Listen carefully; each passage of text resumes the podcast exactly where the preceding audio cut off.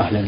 على بركة الله نبدأ هذه الحلقة برسالة وصلت من المستمعة أم عارف تقول في هذه الرسالة إننا قبائل ولنا عادات في العزاء وهو إذا مات الميت عند أحد منا أو عند أقاربنا يكون العزاء عنده ثلاثة أيام بلياليهن دون أن يكون في هذا أي كلفة ولا تقدم القهوة ولكن يحضرون الناس عند صاحب المصاب من أقاربه يدوم ثلاثة أيام متواصلة. ثم علمت من برنامجكم أن الاجتماع هو نوع من النياحة فهل في ذهابي إلى التعزية آه، حرج نرجو بهذا إفادة؟ جزاكم الله خيرا. الحمد لله رب العالمين وأصلي وأسلم على نبينا محمد وعلى آله وأصحابه أجمعين. لا ريب أن موت الحبيب مصيبة يصاب بها العبد كما قال تعالى ولنبلونكم بشيء من الخوف والجوع ونقص من الأموال والأنفس والثمرات وبشر الصابرين الذين إذا أصابتهم مصيبة قالوا إنا لله وإنا إليه راجعون أولئك عليهم صلوات من ربهم ورحمة وأولئك هم المهتدون. وهذه المصيبة ينبغي للإنسان بل يجب عليه أن يقابلها بالصبر وينبغي له أن يحتسب أجرها. على الله عز وجل. فإن هذه المصائب مكفرة للذنوب وإذا صبر الإنسان عليها أثيب ثوابا آخر ثواب الصابرين.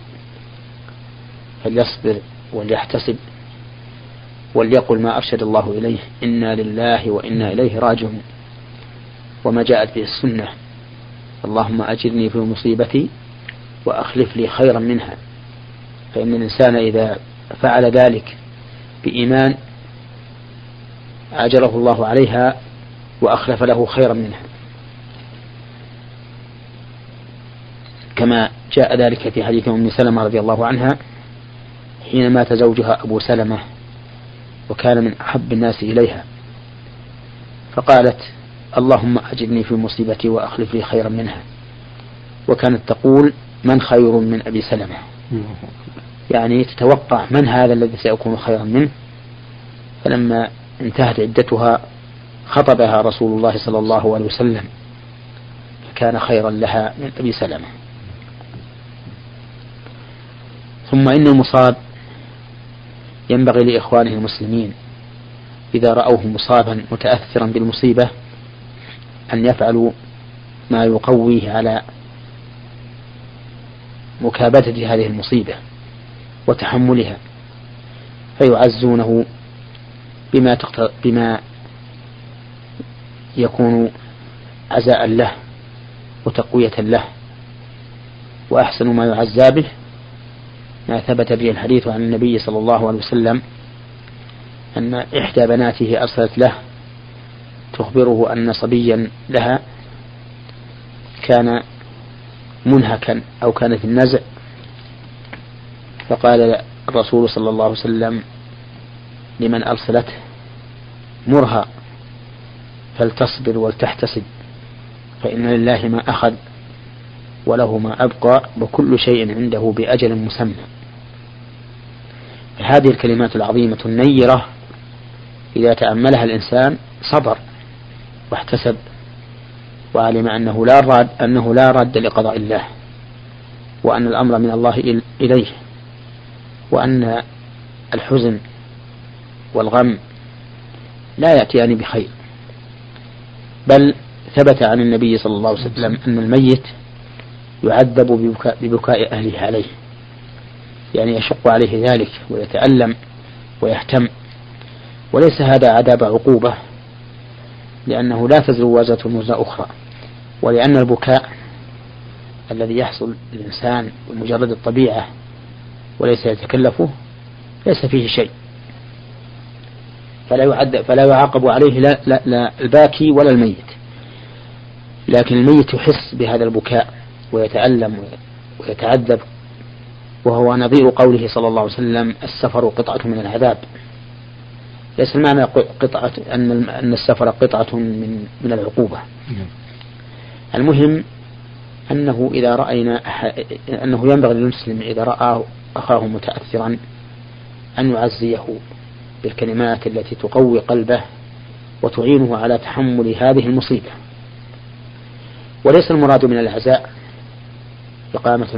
إقامة المآتم والاجتماع للناس يفيدون من كل وجه وربما يصنعون أطعمة وربما يوقدون اللمبات الكثيرة وربما يضربون الخيام حول البيت وما أشبه ذلك من الأمور المنكرة التي ليس فيها إلا عنوان الاحتجاج على قدر الله عز وجل وعدم الرضا بقضائه أو إظهار الفرح والسرور بفقد هذا الميت.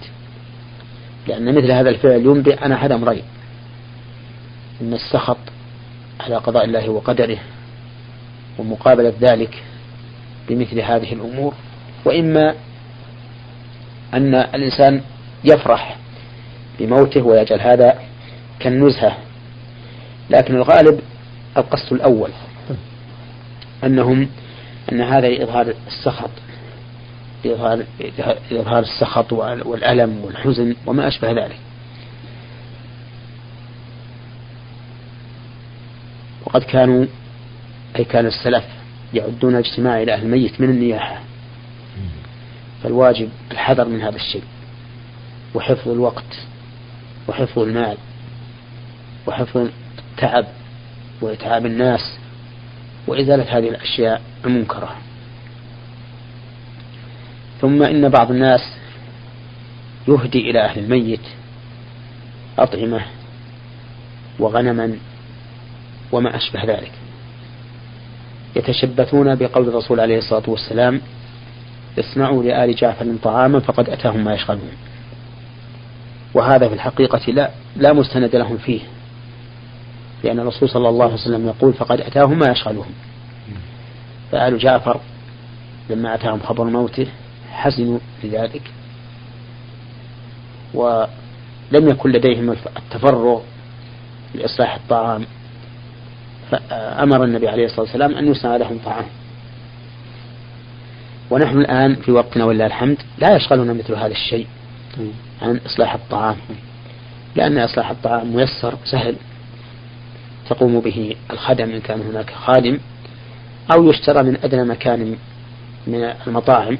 طيب. وليس في هذا مشقة أبدا. ثم إن الذي أمر الرسول عليه الصلاة والسلام الذي أمر به الرسول صلى الله عليه وسلم إنما أمر أن يصنع لآل لآل جعفر طعام.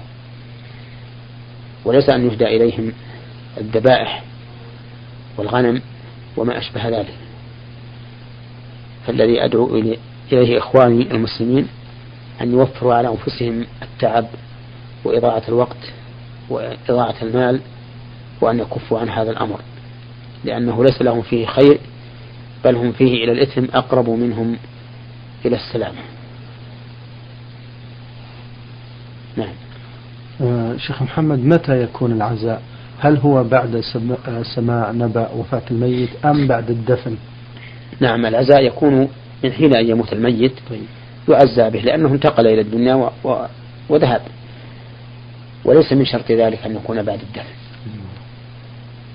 ثم إنه أيضا لا يتقيد بالأقارب فقط.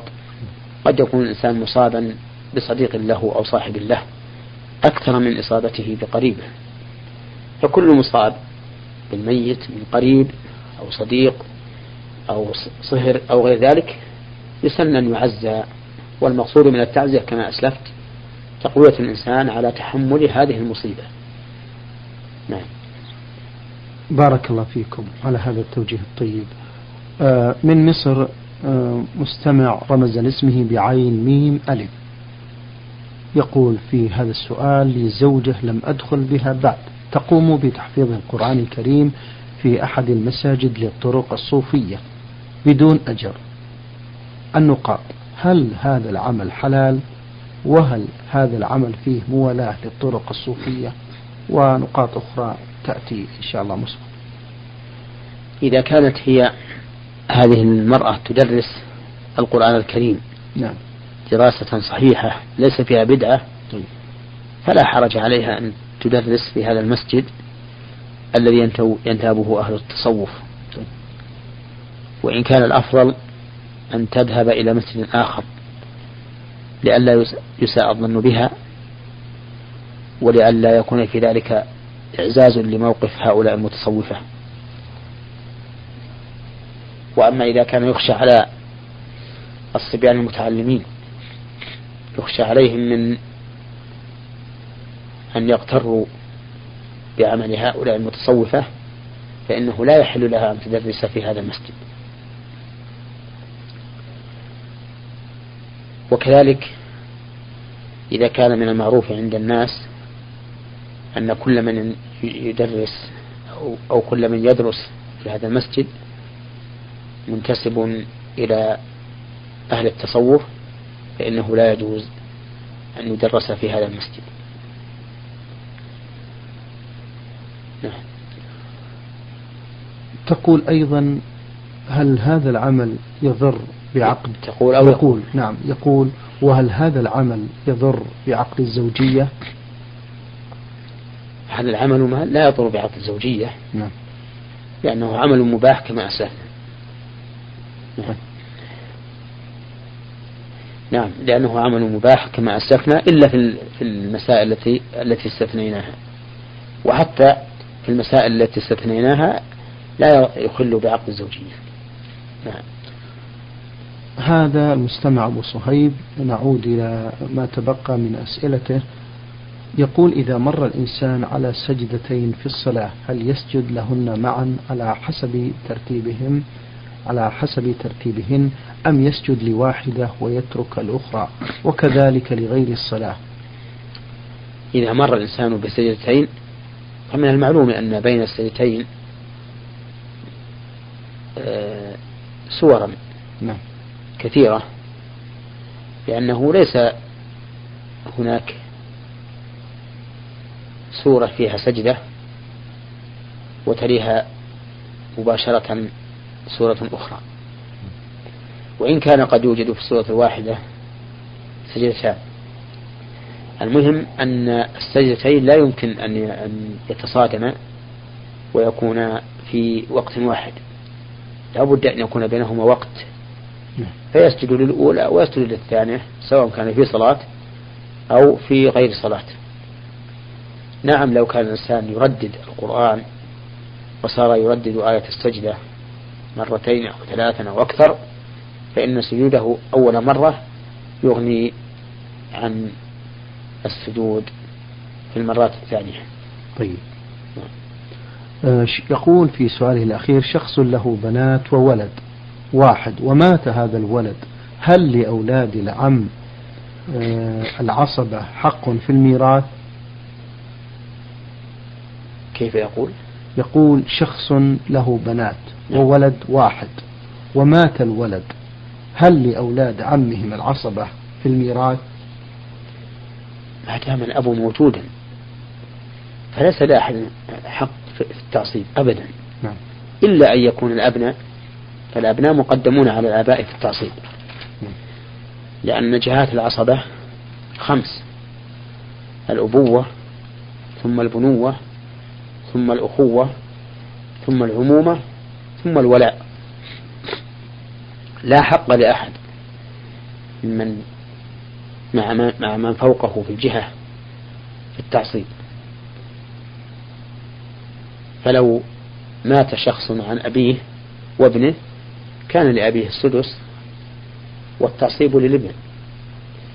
ولو مات عن أبيه وجده كان للأب المال كله بالتعصيب ولو مات عن أبيه وعمه كان المال للأب دون العم وهكذا المهم إذا كان هذا السائل يسأل عن كون بني العم يرثون مع الأب فهذا لا وجه لسؤاله لأنه لا يمكن أن يرث لا العم ولا أبناؤه ولا الأخ ولا أبناؤه نعم. مع وجود الأب طيب. نعم. بارك الله فيكم من سلطنة عمان آه هذا مستمع للبرنامج يقول في هذا السؤال. لقد استمعنا إلى برنامجكم نور على الدرب وسمعنا بأن رفع اليدين في الدعاء بعد الفريضة بدعة. فمتى يستحب رفع اليدين؟ هل بعد صلاة السفر أم في النوافل؟ نرجو إفادة. جزاكم الله خيرا. رفع اليدين مقرون بالدعاء. وهو من آدابه. ولهذا جاء في الحديث الذي رواه أحمد في المسند أن النبي أن النبي صلى الله عليه وسلم قال إن الله حي كريم يستحي من عبده إذا رفع إليه يديه أن يردهما أن يردهما صفرا.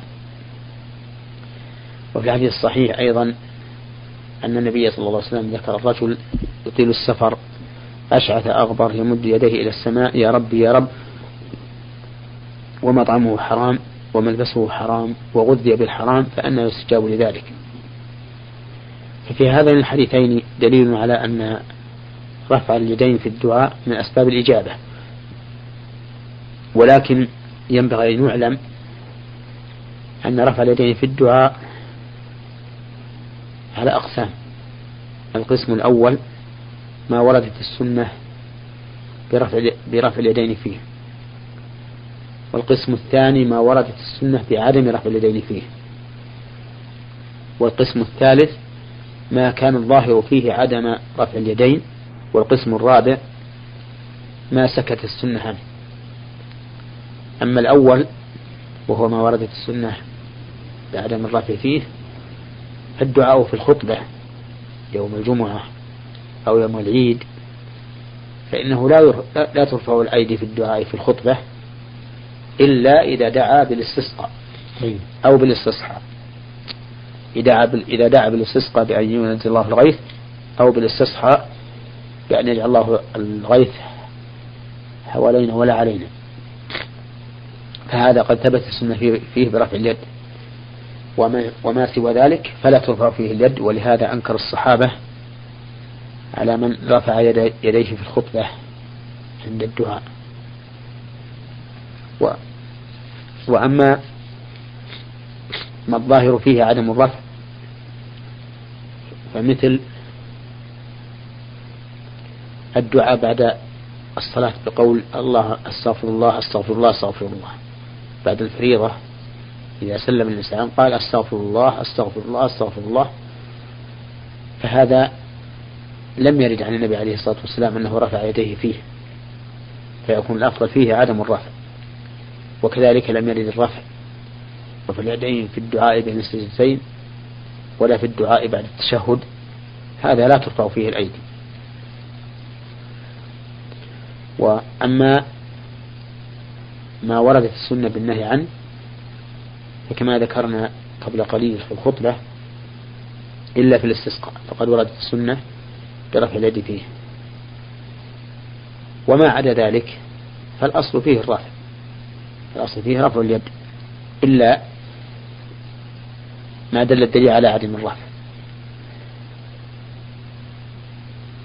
ولكن يقال إن الدعاء بعد الصلاة لا وجه له فإن الدعاء قبل أن تسلم أفضل. ولهذا قال النبي عليه الصلاة والسلام في التشهد لما ذكر التشهد قال ثم ليتخير من الدعاء ما شاء. فجعل الدعاء قبل السلام. أما بعد السلام فإنه موضع للذكر كما قال الله تعالى فإذا قضيتم الصلاة فاذكروا الله قياما وقعودا وعلى جنوبكم. فنحن لا ننهى عن رفع اليدين بعد الصلاة ولكن نقول الدعاء بعد الصلاة ليس من هدي الرسول عليه الصلاة والسلام في غير قول الله أستغفر الله أستغفر الله. وإنما هده أن يكون الدعاء قبل أن يسلم.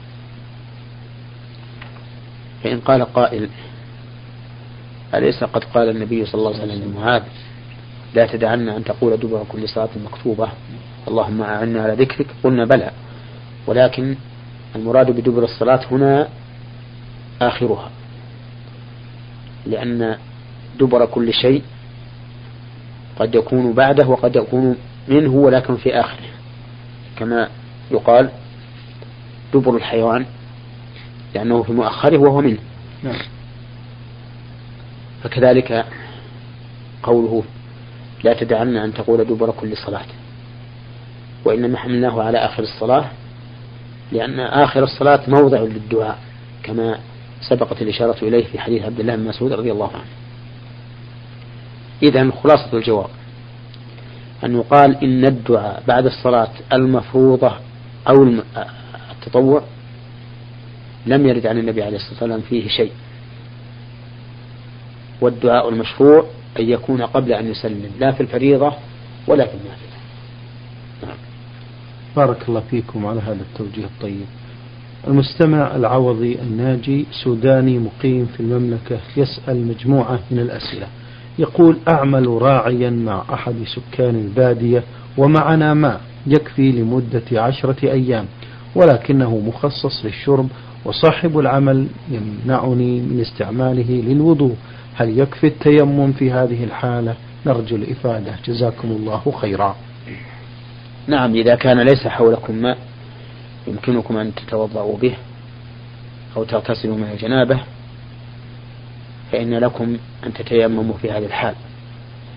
لقوله تعالى وإن كنتم مرضى أو على سفر أو جاء أحد منكم من الغائط أو لمستم النساء فلم تجدوا ماء فتيمموا صعيدا طيبا فامسحوا بوجوهكم وأيديكم منه.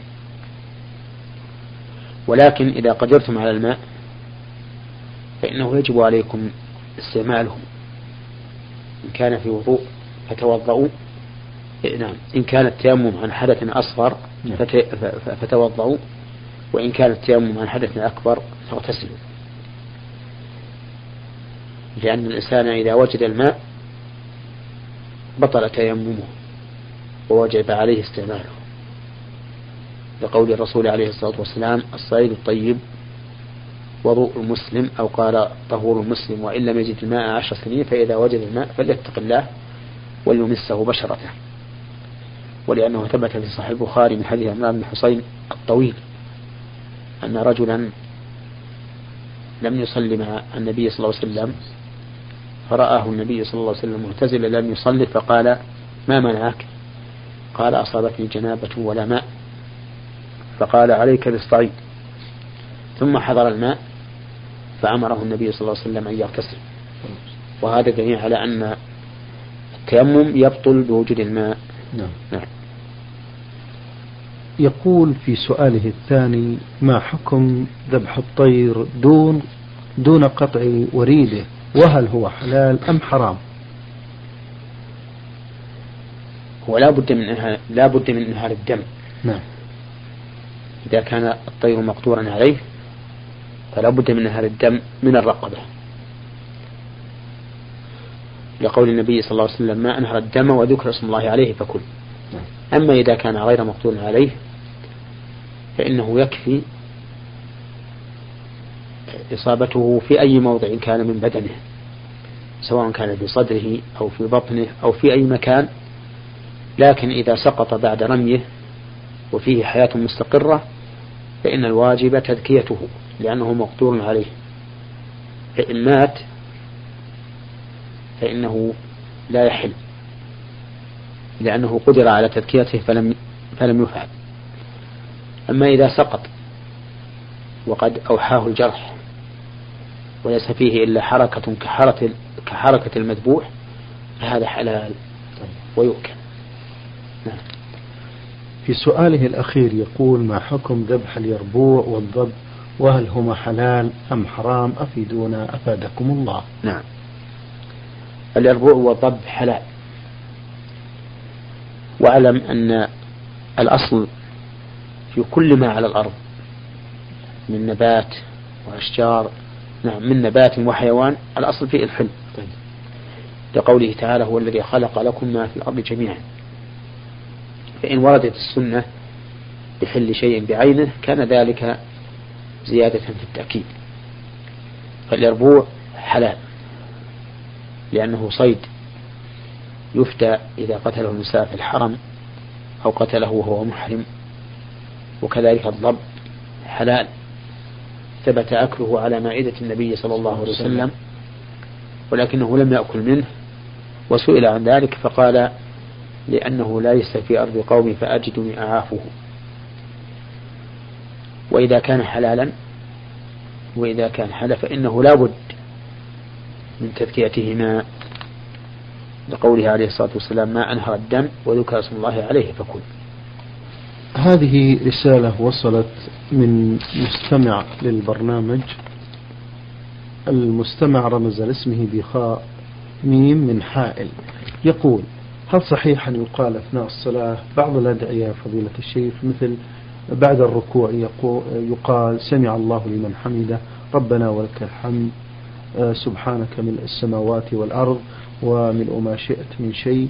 وبعد السجود يقال صبوح قدوس رب الملائكة والروح. نعم. يجوز للإنسان في صلاته أن يدعو الله تعالى بما شاء. طيب. لكن ينبغي أن يجتهد في الدعاء في حال السجود لأمر النبي صلى الله عليه وسلم بذلك حيث قال عليه الصلاة والسلام ألا وإني نهيت أن أقرأ القرآن راكعا أو ساجدا فأما الركوع فعظموا فيه الرب وأما السجود فقمن فاجتهدوا فيه في الدعاء فقامن أن يستجاب لكم. وكذلك يدعو بعد التشهد الأخير وكذلك يدعو بين السجدتين. وأما إذا رفع رأسه من الركوع فيقول سمع الله لمن حمده حين الرفع.